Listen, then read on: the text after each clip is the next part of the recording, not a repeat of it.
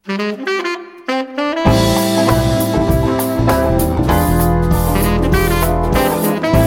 თვალი დაკავებული გაქვთ და საკითხავად არ გცალიათ, ან თუ ჩემსავით სათვალეს ვერ პოულობთ, ან და თუ უბრალოდ მოგენატრათ თვალების დახუჭვა და სხვების მიერ მოთხრობილი საინტერესო ამბებისთვის ყურის მიგდება, მაშინ ეს პოდკასტი თქვენთვისაა. გამარჯობა. თქვენ უსმენთ რადიო თავისუფლების პოდკასტს მოლაპარაკე ტექსტებს. მოლაპარაკე ტექსტებს. მე ბიძინა რამიშვილი გახლავართ. აქ მოქმედი პირები არიან ტექსტები, რომლებსაც რადიო თავისუფლების ვებსაიტზე ვარჩევ თქვენთვის კვირაში ერთხელ და მათ მოსათხრობა ამბებად ვაქცევ ხოლმე.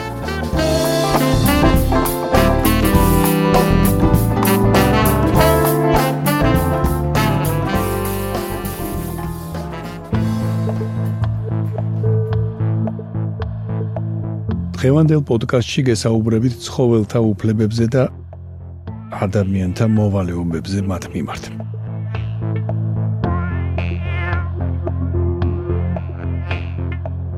დავაზობთ ეკა ქევანიშვილის სტატიას კეთილდღეობა თუ უფლება თუ ორივე ერთად ცხოველი ადამიანის ხელში.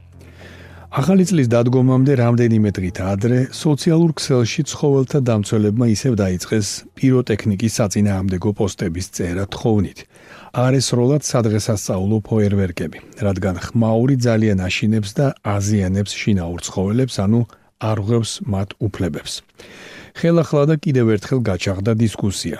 აქვს თუ არა ცხოველს უფლება და თუ კი რომელს და როგორი. ეს მხოლოდ შინაური, ეგრეთ წოდებული კომპანიონი ცხოველების პრივილეგიაა თუ სხვებზეც უნდა ვიფიქროთ. რა განსხვავებაა უფლებასა და კეთილდღეობას შორის? ერთ-ერთი ბიძგი ამ დისკუსიას მისცა პარტია ევროპული საქართველოს წევრის თამარ ჩერგოლიიშვილის საჯარო სტატუსმა. ის წერდა, რომ მისი აზრით არ არსებობს უფლება ვალდებულების გარეშე და რადგან ცხოველს ვალდებულება არ გააჩნია, არც ცხოველის უფლება არსებობს. სისასტიკე სხვა რამეა, წერდა ის. ციტატა: ცხოველებზე სისასტიკე ისჯება არა იმიტომ, რომ ცხოველების უფლებები არსებობს და ირღვევა, არამედ იმიტომ, რომ ჩვენ ადამიანები ვართ და ჯანსაღი ადამიანებისგან შემდგარ ჯანსაღ საზოგადოებებში სისასტიკე მიუღებელია. ციტადის დასასრული. თავად ჩერგოლეიშვილმა მაშინ ისიც დაწერა, რომ სისასტიკის აღქმაც ძალიან განსხვავებული ადამიანებში და ის ვისთვის სტეიკის ჭამა, ვისთვის საახალწლო ფოიერვერკებით ცხოველების შეწუხება. ვისთვის კი მათთვის ტკივილის მიყენების განზრახვით ჩადენილი ქმედება. ამ დისკუსიას ბევრი სხვაც გამოეხმაურა და კითხვებიც დაგროვდა. ეს უფლებები მხოლოდ ეგრეთ წოდებულ კომპანიონ ცხოველებს აქვთ. თუ ხმაურზე ვლაპარაკობთ, ჩიტებმა რა დააშავეს და ღორებმა, გარეულმა ცხოველებმა ვიღაცას ხორცის წარმოების მიზნით შექმნილი ფერმები გაახსენდა. კიდევ სხვას ნადირობა, ცირკი, ზოოპარკი. მაგრამ 8 იანვარს გავრცელებულმა ვიდეომ, რომელშიც ჩანს როგორ სასტიკად ცემს ჯოხით პატრონი ძაღლს სოფელ კაჩაგანში, ეს დისკუსია კიდევ უფრო გააფართოვა და გაამწოვა. ის ჯოხით ნაცემი ძაღლი ვერ გადარჩა. პატრონი, რომელმაც მას ცემა, დაკავებულია და 1-დან 4 წლამდე პატიმრობა ემუქრება. სულ ორიოდე დღის წინ გორის რაიონის სოფელ რეხაში კიდევ ერთ ძაღლს ესროლეს სანადირო თოფი. დაჭრილი ძაღლის გადარჩენა ვეტერინარებმა შეძლეს. სროლელი პოლიციამ დააკავა. მანამდე ბაღდადში ცემეს სასტიკად მიუსაფარ ძაღლს, რომელსაც ოპერაცია გაუკეთეს, მაგრამ ვერ გადაარჩინეს. კიდევ ბევრი მსგავსი არც თუ შორეულ წარსულში საქართველოში მომხდარი შემთხვევის გახსენება შეიძლება. იმ დღეებში ცხოველთა მოყვარულები ხელისუფლებისგან მოითხოვდნენ თვალი გაუსწოროს ცხოველების მიმართ სისტემური ძალადობის გარემოს და დამნაშავეები კანონის მთელი სისასტიკით დასაჯოს.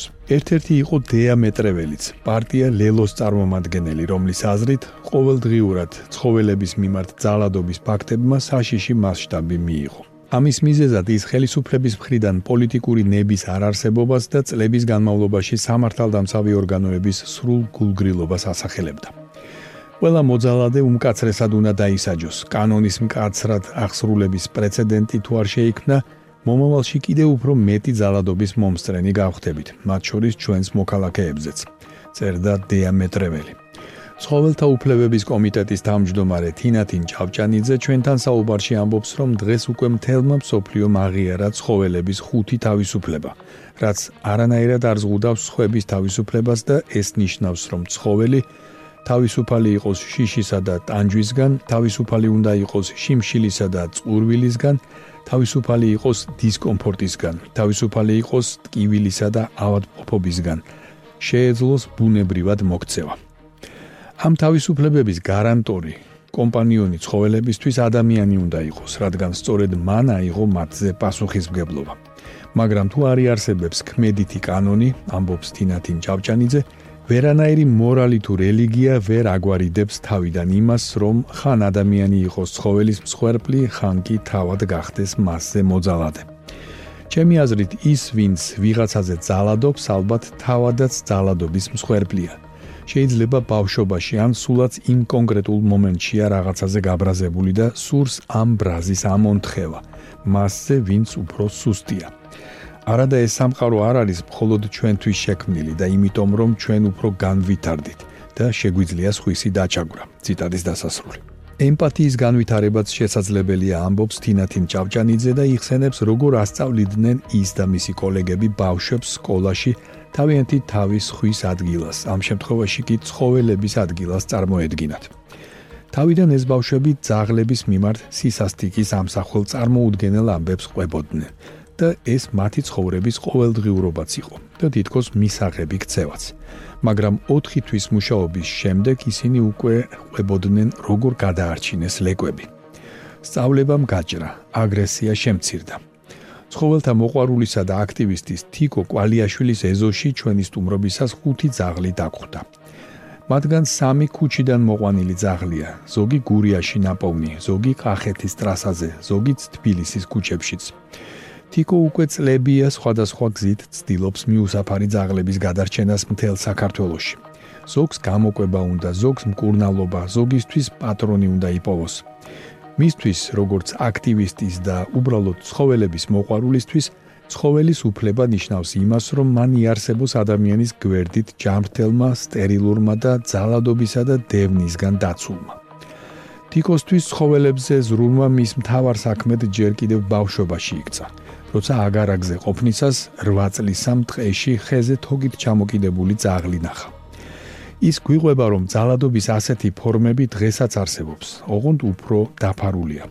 მისთვის კი ეს შემთხვევა გახდა ბიძგი რომ სულ იზრუნებდა განსაკუთრებით მიუსაფარ ცხოველებზე და ასეა დღემდე.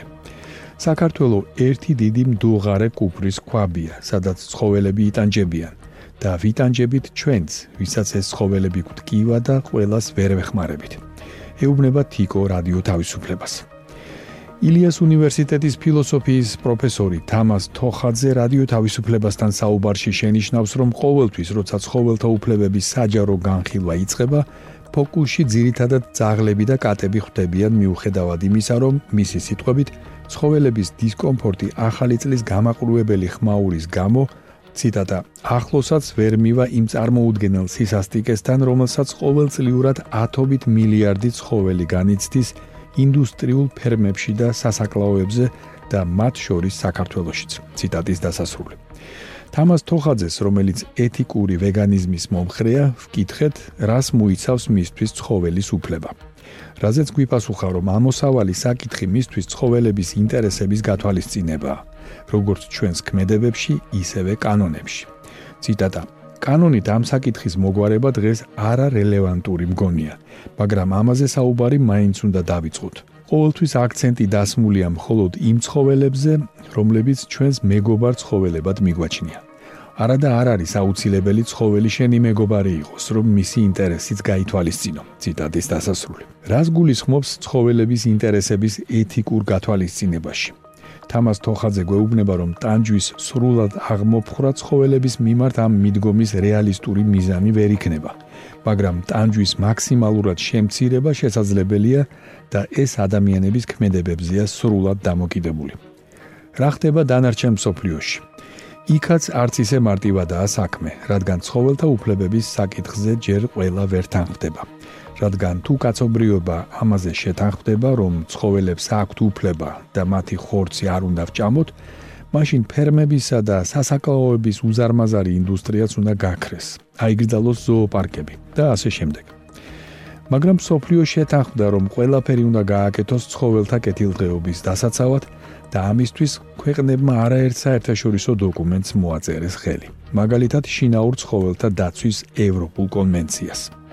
ცხოველთა კეთილდღეობის შესახებ კანონის მიღებას წლებია საქართველოსიც ცდილობენ. არაერთი კანონ პროექტიც დაიწერა და მათ შორის ერთ-ერთის კომპანიონი ცხოველების კეთილდღეობის შესახებ კანონის თანაავტორი თინათინ ჭავჭანიძეც იყო. მაგრამ ასეთი კანონი საქართველოს დღემდე არ აქვს.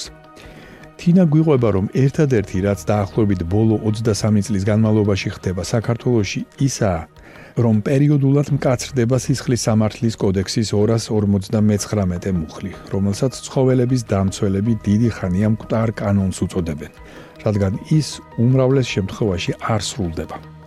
მაგრამ ცხოველებისადმი სასტიკად მოქცევის გარდა არის კიდევ უამრავი საკითხი, მათ შორის გამრავლება, პატრონის ვალდებულება და ასე შემდეგ, რაც კეთილდღეობის შესახებ კანონს შეეძლო დაერეგულირებინა.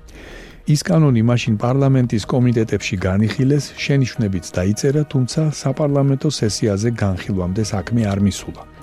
მერე ცხოველთა უფლებადამცველების სხვა ჯგუფის კანონ პროექტი მომზადდა და თითქოს ერთობლივი კანონი უნდა მომზადებულიყო.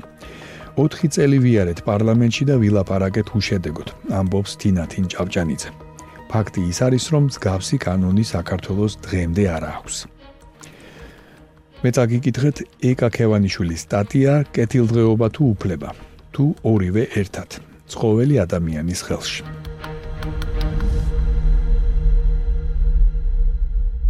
თქვენ უსმენთ პოდკასტს მოლაპარაკე ტექსტებს. ახლა წაგიკითხავთ სტატიას სათაურით აქვთ ცხოველებს უფლებები დისკუსიას ცხოველთა უფლებებზე დასასრული არ უჩანს, მაგრამ ამ ტექსტში აგიხსნით, რომ ცხოველთა კეთილდღეობის დაცვა საერთოდ არანაირ კავშირში არაა მათ უფლებებთან. 2006 წლის დეკემბერში ბერლინის ზოოპარკის თანამშრომლებს ნამდვილი ზეიმი ჰქონდათ. 30 წლის მანძილზე პირველად ზოოპარკის ბინადარმა პოლარულმა დათმა ორი ბელი გააჩინა. ოღონდ დედამ შვილები მოულოდნელად მიატოვა. პოლარული დათვის ბელებისთვის კი ეს როგორც წესი სიკვდილის ტოლფასია. ერთი მალევე დაიღუპა, აი მეორე კი ზოოპარკის თანამშრომლებმა გადაარჩინეს. ბელი ინკუბატორში მოათავსეს და კნუტი დაარქვეს. კნუტის მოულა პატრონობა გააპროტესტეს ცხოველთა უფლებების დამცველებმა. მათი აზრით, დედის მიერ მიტოვებული ბელი ადამიანებს არ უნდა აღეზარდათ, რადგან მას სრულყოფილი დათვისთვის შესაძერისი ცხოვრება ვეღარ ექნებოდა.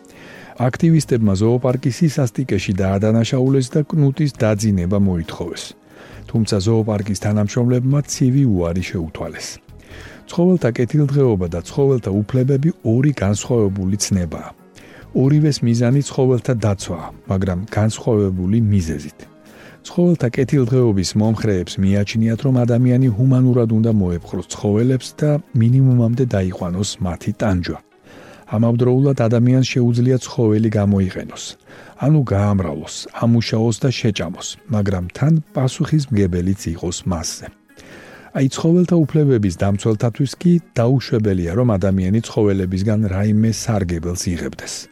მათ წამთ, რომ ცხოველებს აქვთ სიცოცხლის და თავისუფლების უფლება და რომ ისინი დაცულები უნდა იყვნენ ნებისმიერი ექსპლუატაციისგან, მაგალითად ზოოპარკებისა და სამეცნიერო ექსპერიმენტებისგან. ცხოველთა უფლებების საკითხზე კაცობრიობა შეთანხმებას ჯერ ვერ ახერხებს. მორალური და ეთიკური ბუნდოვანებების გარდა ამას პრაქტიკული მიზეზიც აქვს. მაგალითად, თუ შევთანხმდებით, რომ ცხოველებს აქვთ უფლება ისინი არ შევჭამოთ, ეს იმას ნიშნავს, რომ უზარმაზარი ინდუსტრია, ფერმები, სასაკლაოები უბრალოდ არსებობას შეწყვეტს. ცხოველთა უფლებების აღიარება ნიშნავს, რომ ცხოველებზე აღარ ჩატარდება ექსპერიმენტები. მათ ხელოვნურად აღარ მოაშენებენ, აღარ გამოიყენებენ მათ შრომას. აგრძალული იქნება ნადირობა და ზოოპარკებიც. საპირწონედ კაცობრიობამ უკვე მიაღწია რიგ შეთანხმებებს ცხოველთა კეთილდღეობის დასაცავად და ქვეყნებმა არაერთ საერთაშორისო დოკუმენტს მოაწერეს ხელი. ერთ-ერთი ასეთი დოკუმენტია შინაურ ცხოველთა დაცვის ევროპული კონვენცია, რომელიც 26 ქვეყანას აერთიანებს, მათ შორის არ არის საქართველოს. კონვენცია ავალდებულებს ხელისუფლებებს უზრუნველყო შინაური ცხოველების ჰუმანური მოპყრობა. გრძალავს შინაური ცხოველების ქუჩაში გაგდებას და გარეული ცხოველების სახლში ყოლას. ცხოველთა კეთილდღეობაზე შექმნილი ბევრი სხვა საერთაშორისო დოკუმენტის მსგავსად, ევროპული კონვენციაც ხუთი თავისუფლების პრინციპს ეყრდნობა. ხუთი თავისუფლების პრინციპი 70-იანი წლების ბოლოს დიდ ბრიტანეთში შეიმუშავეს. ამ პრინციპების თანახმად ცხოველი თავს კარგად რომ გრძნობდეს, აუცილებელია თავისუფალი იყოს შიმშილისა და წყურვილისგან, ანუ წვდომა ჰქონდეს სუფთა წყალზე და მისთვის საჭირო საკვებზე. თავისუფალი იყოს დისკომფორტისგან, ანუ მისი მოთხოვნილებების შესაბამისი საცხოვრებელი პირობები და მოსასვენებელი ადგილი უნდა ჰქონდეს. თავისუფალი იყოს ტკივილისა და ავადმყოფობისგან. ანუ ადამიანმა არ უნდა ატკინოს და საჭიროების შემთხვევაში აღმოუჩინოს სამედიცინო დახმარება. შეეძლოს ბუნებრივად მოქცევა. ამისთვის სჭირდება სათანადო ადგილი და გარემო. თავისუფალი იყოს შიშისა და ტანჯვისგან, ანუ ადამიანმა არ უნდა მიაყენოს ფიზიკური და ემოციური ტანჯვა. ცხოველებზე ზრუნვა რომ აუცილებელია, ამაზე ადამიანები ჯერ კიდევ მე-19 საუკუნეში ალაპარაკდნენ. მაგრამ მაშინ ჯერ კიდევ შეუსწავლელი იყო მსგავსება ადამიანსა და სხვა სახეობებს შორის. ცხოველთა უფლებებისთვის ბრძოლის ახალი ტალღა დაიწყო კემბრიჯის დეკლარაციამ ცნობიერებაზე. დოკუმენტმა, რომელსაც 2012 წელს მოაწერა ხელი ათეულობით ნეირომეცნიერმა, ნეიროფიზიოლოგმა და სხვა აკადემიური სფეროების წარმომადგენელმა. მეცნიერებმა დაასკვნეს, რომ ადამიანის მსგავსად ძუძუმწოვრებს, ფრინველებს, თევზებს და ბევრ უხერხემლოს აქვთ ცნობიერება და ადამიანის მსგავსი განცდები. ტკივილი, შიში, შფოთვა. მანამდე ითვლებოდა, რომ ადამიანებს ცნობიერება აქვთ თავის ტვინის ქერქის წყალობით, რომელიც მხოლოდ ჩვენ გაგვაჩნია. მაგრამ დღეს ბევრი ფიქრობს, რომ ცნობიერებაზე ტვინის სხვა სფეროებია პასუხისმგებელი. ეს სფეროები კი ადამიანებსა და ცხოველებს მსგავსი აქვთ. კნუდი ბერლინის ზოოპარკის ნამდვილი ვარსკვლავი გახდა და მას არნახული შემოსავალი მოუტანა. მხოლოდ 2007 წელს 5 მილიონ ევროზე მეტი. მაგრამ მან სულ 5 წელი იწოცხლა, მაშინ როდესაც ველურ ბუნებაში საშუალო 18 წელს იწოცხლებდა. ცხოველთა დამცველები ეჭობდნენ, რომ დათვის სტრესისგან მოკვდა. მაგრამ გაკვეთის თანახმად მისი სიკვდილის მიზეზი გახდა ავტოიმუნური დაავადება, ენცეფალიტი, რომელიც როგორც წესი ადამიანებს ემართება ხოლმე. 2015 წელს ბრიტანელმა მკვლევარმა ალექს გრინვუდმა გამოცემა Guardian-ს უთხრა, რომ კნუტი პირველი ცხოველია, რომელსაც ენცეფალიტი დაუდგინდა. მისი სიკვდილის სათანადოდ გამოკვლევის შემდეგ შესაძლოა ბევრი სხვა ცხოველი ავარიდოთ ენცეფალიტით სიკვდილს, თქვა გრინვუდმა. კნუტის ფიტული 2013 წლიდან ბერლინის ბუნების ისტორიის ეროვნულ მუზეუმში დგას. მე წაგიკითხეთ სტატია სათაურით აქვთ ცხოველებს უფლებები?